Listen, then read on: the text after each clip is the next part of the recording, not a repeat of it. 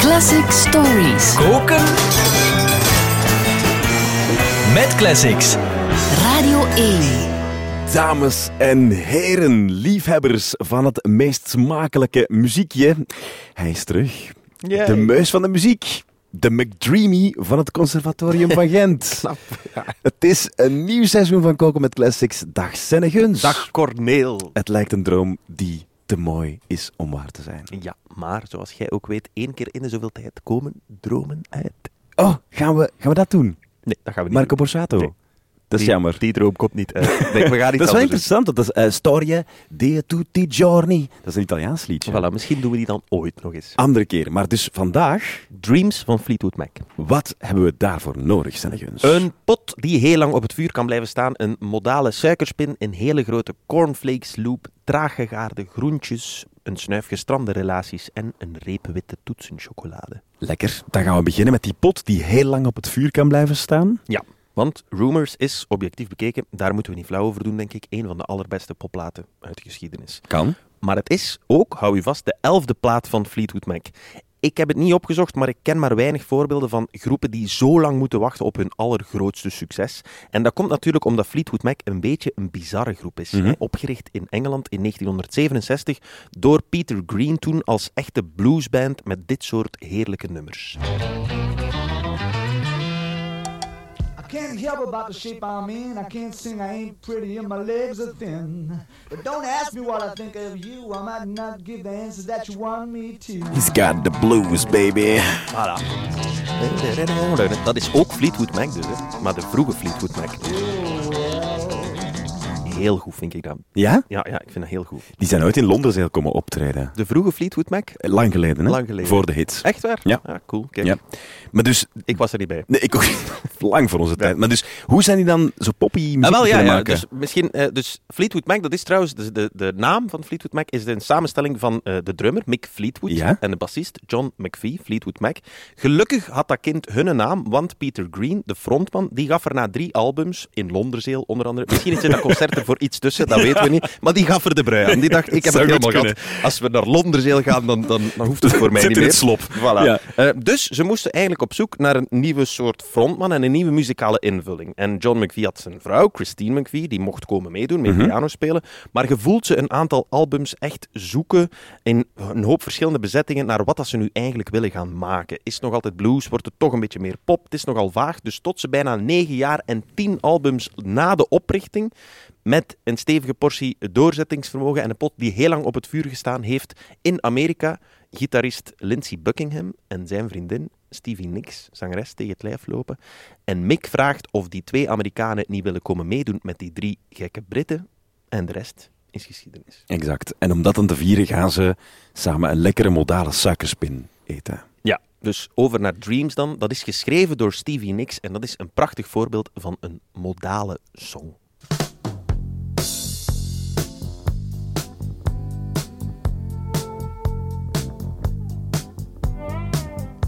Hoort dat de hele tijd switchen tussen die twee akkoorden. Mhm.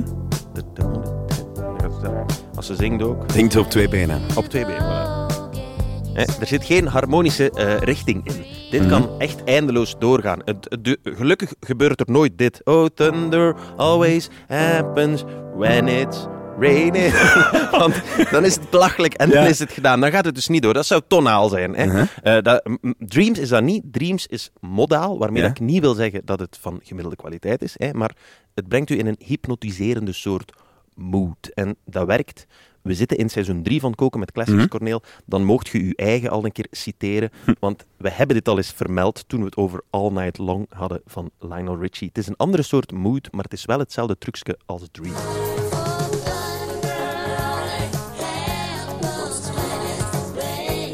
It's a re- re- remix. En terug naar voren. Dat is heel effectief, werd vroeger gedaan, wordt nu nog gedaan. The War on Drugs doet dat ook heel veel trouwens.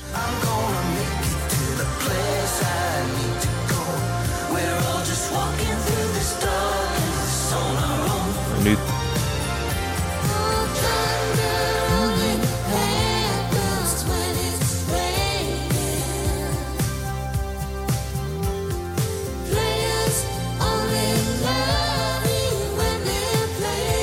Voilà. Weinig melodie eigenlijk, hè? Weinig melodie, maar wel zo. En die vibe gewoon met die twee akkoorden. Ja. eh, Dat, dat werkt heel goed. Dreams werd door Fleetwood Mac tijdens het maken en opnemen trouwens nog niet Dreams genoemd. Maar ze noemden het als werktitel Spinners. Omdat er een nummer van de groep The Spinners blijkbaar ook datzelfde twee akkoorden modaaltrucje gebruikt. Dit.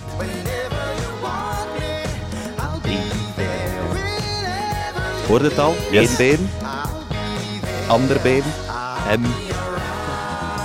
Thunder, thunder. Komt ie. Yes!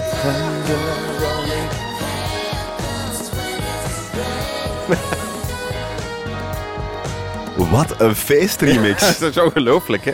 Je wordt er meteen blij van eigenlijk. Veel blijer dan het origineel, denk ik. eh, Voilà. En dan krijg je dus, als je, het is modaal door de spinners, dus je krijgt een soort modale suikerspinnerstruc eigenlijk. Ja. Wat daar nog plezant bij is, eh, ik kan me dan voorstellen in die studio en dat, dat ze rondlopen en dat Mick Fleetwood zegt, god verdikke de spinners, dat is lang geleden, kom, we gaan die plaat nog een keer opleggen. En ze luisteren daardoor. En dan begint nummerke 6 of zo op de plaat, dit.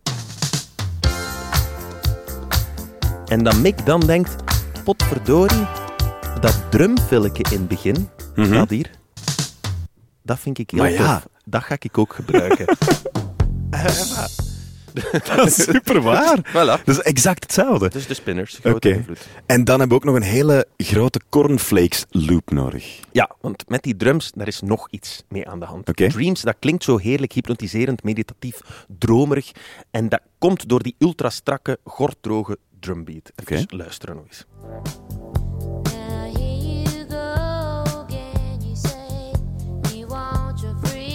ik heb de, de rest van de band even afgezet en dan hebben we alleen maar de drums over.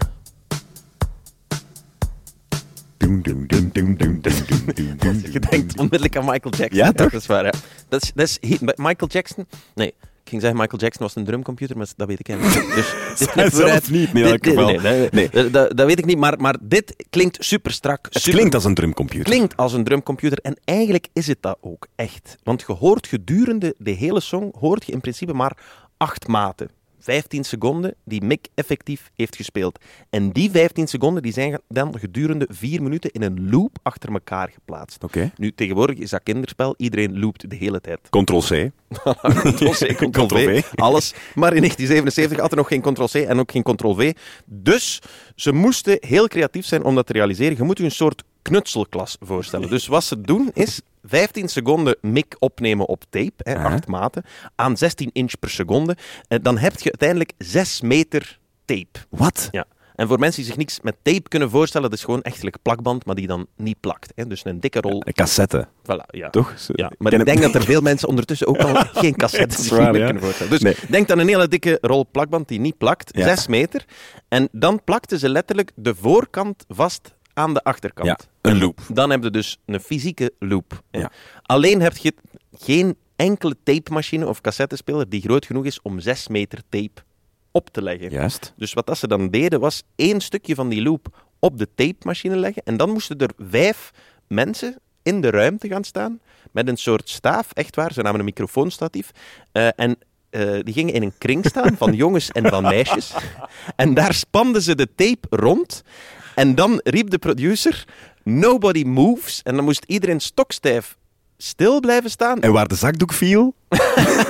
Ja, die was verloren. Moest iedereen stokstijf stil blijven staan. En dan drukten ze op record. En dan draaide die tape dus langs heen, die vijf mensen, langs hun staven. En werd dat zo vier minuten aan een stuk opgenomen. En moesten dus vier minuten stokstijf stil blijven staan met een grote cornflakes loop in hun handen.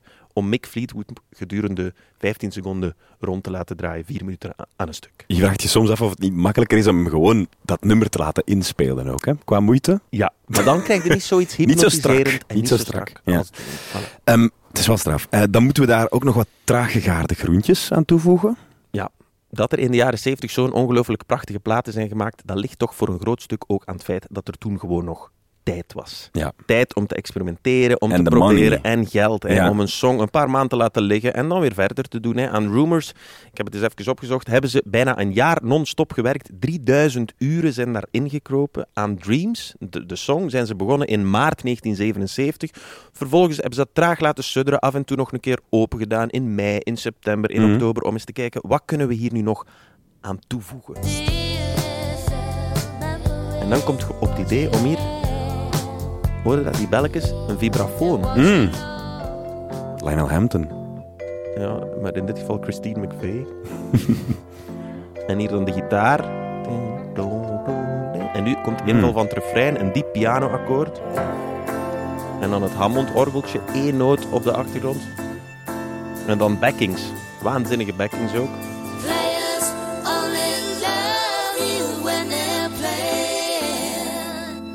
Hier weer de, de gitaarswel. Wow. Door een Leslie.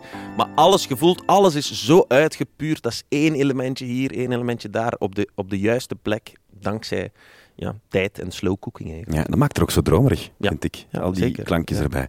Ehm, een snuifje gestrande relaties ook. Ja, het is eigenlijk een half mirakel dat Rumors uiteindelijk gelukt is, want zowat alle relaties binnen en zelfs buiten Fleetwood Mac stonden op springen dankzij een cocktail van vooral veel drugs en drank. Ja, in het geval van Fleetwood Mac was het vooral kilo's coke met classics. Toch? Inderdaad, dat klopt. Eh, eh, John en Christine McVie gingen dankzij al die kilo's tijdens het maken van de plaat uit elkaar. Juist. Mick Fleetwood die was thuis aan het scheiden van zijn vrouw. En met Lindsey Buckingham dacht Stevie ook... Dit wordt niks. Voilà, ik mag ook een woord maken. Eh, dus de plaatmaker, dat was een soort therapiesessie, eh, waar dat iedereen zijn verdriet van zich afbabbelde, speelde en schreef. En door alle ellende heen eindigde hij dan met van die prachtige zinnen als... En jij mocht die voorlezen, want jij hebt hem vertaald, Cornel. Ja, Dus ik heb het eh, goed vertaald, maar ik, heb hem best gedaan. Hè? Ja. Maar luister aandachtig naar de klank van je eenzaamheid. Als een hartslag die je gek maakt.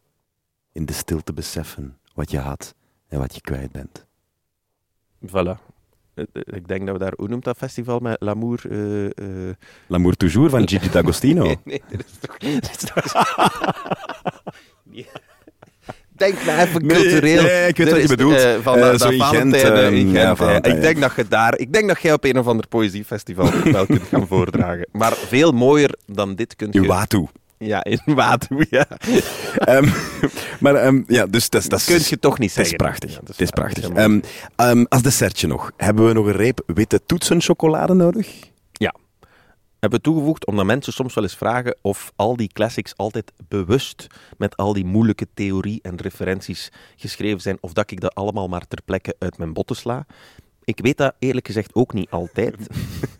Geef ik hier nu grif toe bij het begin van seizoen 3. Ik denk dat de link vaak onbewust is. In dit geval is het volgens mij redelijk simpel wat er gebeurd is. Stevie Nicks die vond al die technische klank- en opnametoestanden en discussies in de studio meestal behoorlijk oninteressant.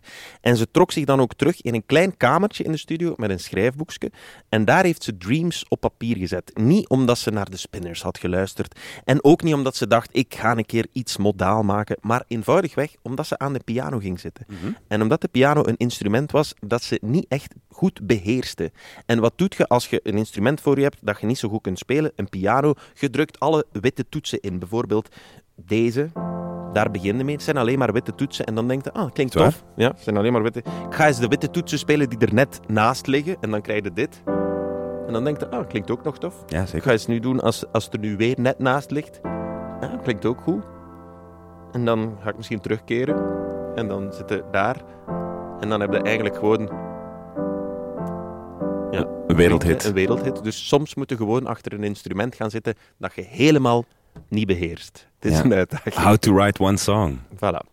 Gewoon achter een instrument gaan zitten, toch? Ik verwacht iets hè, volgende week. Eh, ik doe mijn best, zijn guns. Maar dit was in elk geval super inspirerend. Dank u. Dankjewel. Merci.